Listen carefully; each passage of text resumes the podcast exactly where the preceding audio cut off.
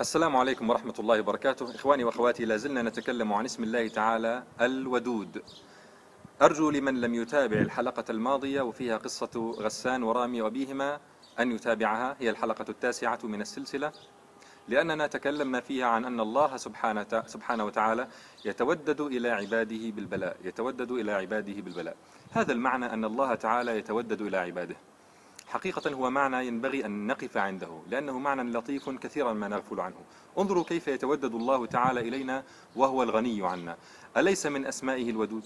انظر إلى قوله تعالى يا أيها الذين آمنوا اذكروا الله ذكرا كثيرا وسبحوه بكرة وأصيلا.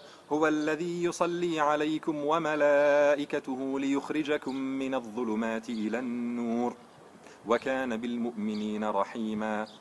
تحيتهم يوم يلقونه سلام وأعد لهم أجرا كريما. الله تعالى يتودد في هذه الآيات إلى المؤمنين بتذكيرهم بأنه يهديهم ويرحمهم وسيلقاهم يوم القيامة بأجر كريم يعبر عن محبته لهم وكأنه يقول لهم ما دمت أفعل ذلك كله لكم ألا أستحق منكم أن تحبوني فتذكروني كثيرا كما يذكر المحب محبوبه؟ لا ينبغي أن تكون علاقتنا بالله تعالى محصورة في انتظار النعيم الدنيوي بل ولا الأخروي فحسب. لا بد أن يكون رضا الله تعالى مطلبا في ذاته. لا بد أن نحب الله ونحرص على أن يحبنا هو أيضا سبحانه وتعالى وألا نطيق الحياة دون هذه المحبة. ألا ترى أن الله تعالى ختم كثيرا من آيات الأوامر ببيان أنه يحب من يفعل كذا وكذا؟ ماذا نستفيد من هذه الخواتيم؟ إن كنا أوفياء لله تعالى وصادقين في محبتنا له. فإن هذه الخاتمة والله يحب كذا ينبغي أن تكون كافية في تشجيعنا على تنفيذ الأمر لنحصل على هذه الجائزة العظيمة محبة الله لنا. انظر كيف تكررت هذه الخواتيم في القرآن الكريم. إن الله يحب المحسنين. والله يحب الصابرين. إن الله يحب المتقين. إن الله يحب التوابين ويحب المتطهرين. قل إن كنتم تحبون الله فاتبعوني يحببكم الله. إن الله يحب الذين يقاتلون في سبيله صفا. إن الله يحب المتوكلين. ألم تقف عند هذه الخواتيم من قبل؟ ألم تشعر بالسعادة الغامرة إن كنت من أصناف الناس الذين يحبهم الله تعالى؟ ألا تعني لك هذه المحبة الشيء الكثير؟ ألا تستحق محبة الله لنا أن تكون أسمى الأمنيات وأجل معنى نعيش من أجله؟ إن لم نقف عند هذه الخواتيم من قبل إن لم نحرص على أن نكون من أهلها إن لم تكن محبة الله تعالى كافية في أن نكون من المحسنين والصابرين والمتقين والمتطهرين والتوابين والمتبعين للرسول الأمين والمتوكلين وفي سبيل الله من المقاتلين إن لم تكن محبة الله كافية في أن نبذل جهدنا في التخلق بهذه الأخلاق. ألا يدل ذلك على أن هناك جفافا في محبتنا لله ونقص اهتمام بمحبته تعالى لنا؟ وفي المقابل ترى أن الله تعالى نهى عن أمور وأتبع النهي بأنه تعالى لا يحب من يفعل كذا. والله لا يحب الظالمين. إن الله لا يحب المعتدين. إن الله لا يحب المسرفين. إن الله لا يحب الخائنين. أخي راجع نفسك. هل كنت كلما قرأت هذه الآيات تفكر بالطريقة التالية إن لم يحبني الله فسيعرضني لبلاء أو يحرمني من نعيم هل هذا هو كل ما يهمك؟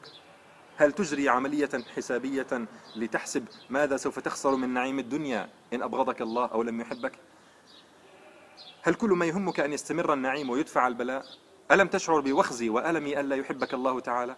أليس هذا شيئا مرعبا وعقوبة كافية في ذاتها ألا يحبنا الله؟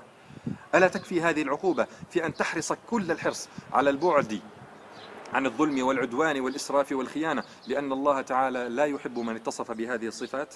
أن تفتش في أقوالك وأفعالك وتحاسب نفسك حسابا دقيقا خشية أن تفقد محبة الله لك وأنت لا تشعر؟ اسأل نفسك هذه الأسئلة لتعرف إن كنت أقرب إلى شخصية رامي الجاف أم غسان الذي لم يطق أن يرى العبوس في وجه أبيه ولم يتصور العيش؟ وهو يحس بنقص محبة أبيه له لوفاء ونبل في نفسه. ألا ترى كيف أن الطفل الصغير يستمد ثقته بنفسه من محبة والديه له؟ لا يشعر بالاستقرار والطمأنينة إلا إذا عبر والداه عن محبتهما له. إذا قال له أبوه لا أحبك فإن هذا يهدد استقراره ويدمر ثقته بنفسه ويعطيه نظرة سوداوية للحياة. ألسنا نحن الخلق عيال الله تعالى ما لنا معيل ولا ملجأ إلا هو سبحانه وتعالى. إذا قال الله لك لا أحبك لا أحبك ألا يخيفك ذلك ألا يجعلك ترتعد؟ ألا يسود الحياة في وجهك؟ ألا يهدد ذلك استقرارك وطمأنينتك؟ ألا ينبغي لك أن تحاسب نفسك على كل قول أو فعل يمكن أن يجعلك من هؤلاء الذين ذكر الله تعالى أنه لا يحبهم؟ عندما يتشرب قلبك هذا المعنى التودد إلى الله وأن الله يتودد إلينا فستجد وقعا عظيما وإحساسا جديدا بكثير من الآيات والأحاديث مثل قوله تعالى يبشرهم ربهم برحمة منه ورضوان وجنات لهم فيها نعيم مقيم. يبشرهم ربهم برحمة منه ورضوان ورضوان وجنات لهم فيها نعيم مقيم. خالدين فيها أبدا. إن الله عنده أجر عظيم. تأمل هذه الآية كلمة كلمة لترى كيف تنبع منها محبة الله. يبشرهم من? ربهم. برحمة منه ورضوان وجنات لهم فيها نعيم مقيم. خالدين فيها أبدا. إن الله عنده أجر عظيم.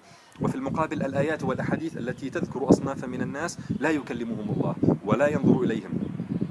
فكفى بها عقوبة ألا يكلمك حبيبك ولا ينظر إليك إن كنت صاحب قلب حي.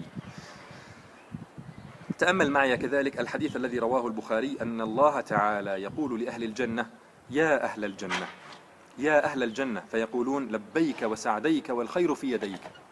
فيقول هل رضيتم؟ فيقولون وما لنا لا نرضى يا رب وقد أعطيتنا ما لم تعطي أحدا من خلقك.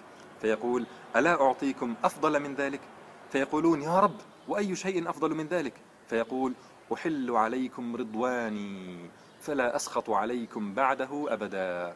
أي أن هذا الرضوان الذي أحللته عليكم سيكون سرمديا أبديا. يصعب على جاف الشعور أن يفهم لماذا هذه أعظم النعم. فما دام أهل الجنة في ظل ممدود وفاكهة كثيرة وحور عين فماذا يضيف إليهم رضوان الله في نظره؟ أما صادق المحبة فيعلم أن رضا المحبوب أسمى الأمنيات ومنتهى الطموحات. وعد الله المؤمنين والمؤمنات جنات تجري من تحتها الأنهار خالدين فيها ومساكن طيبة في جنات عدن.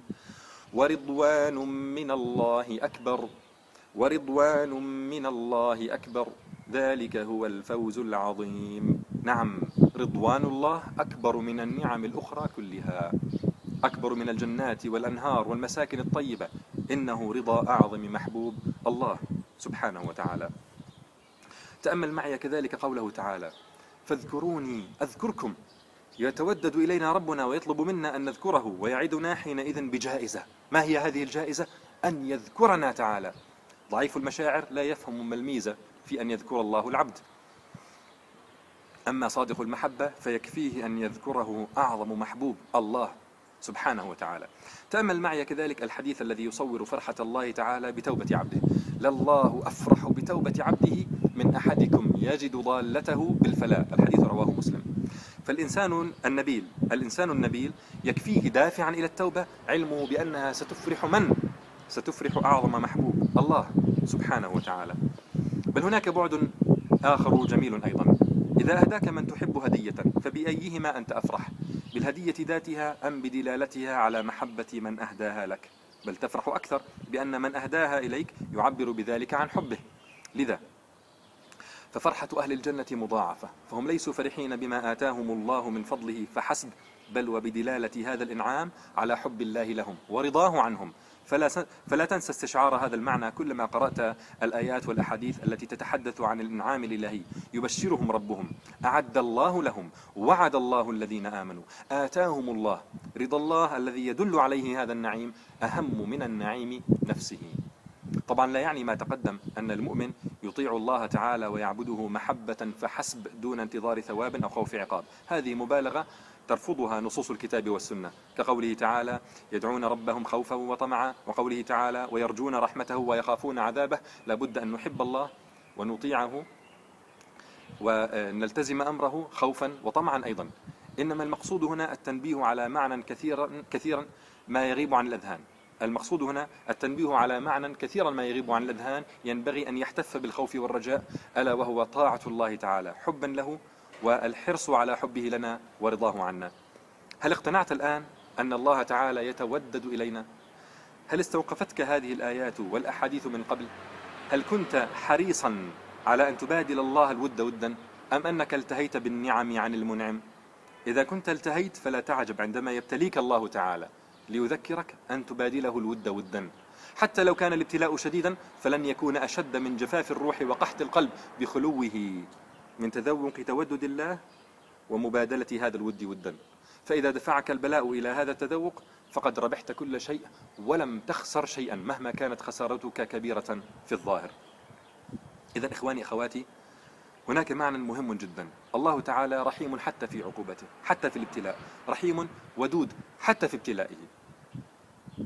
فخلاصة هذه الحلقة هي خلاصة الحلقة الماضية ذاتها. الله سبحانه وتعالى يتودد إلينا. فاحرص أن تبادل الله الود ودا ولا تكن فقير المشاعر مع ربك سبحانه وتعالى. والسلام عليكم ورحمة الله وبركاته.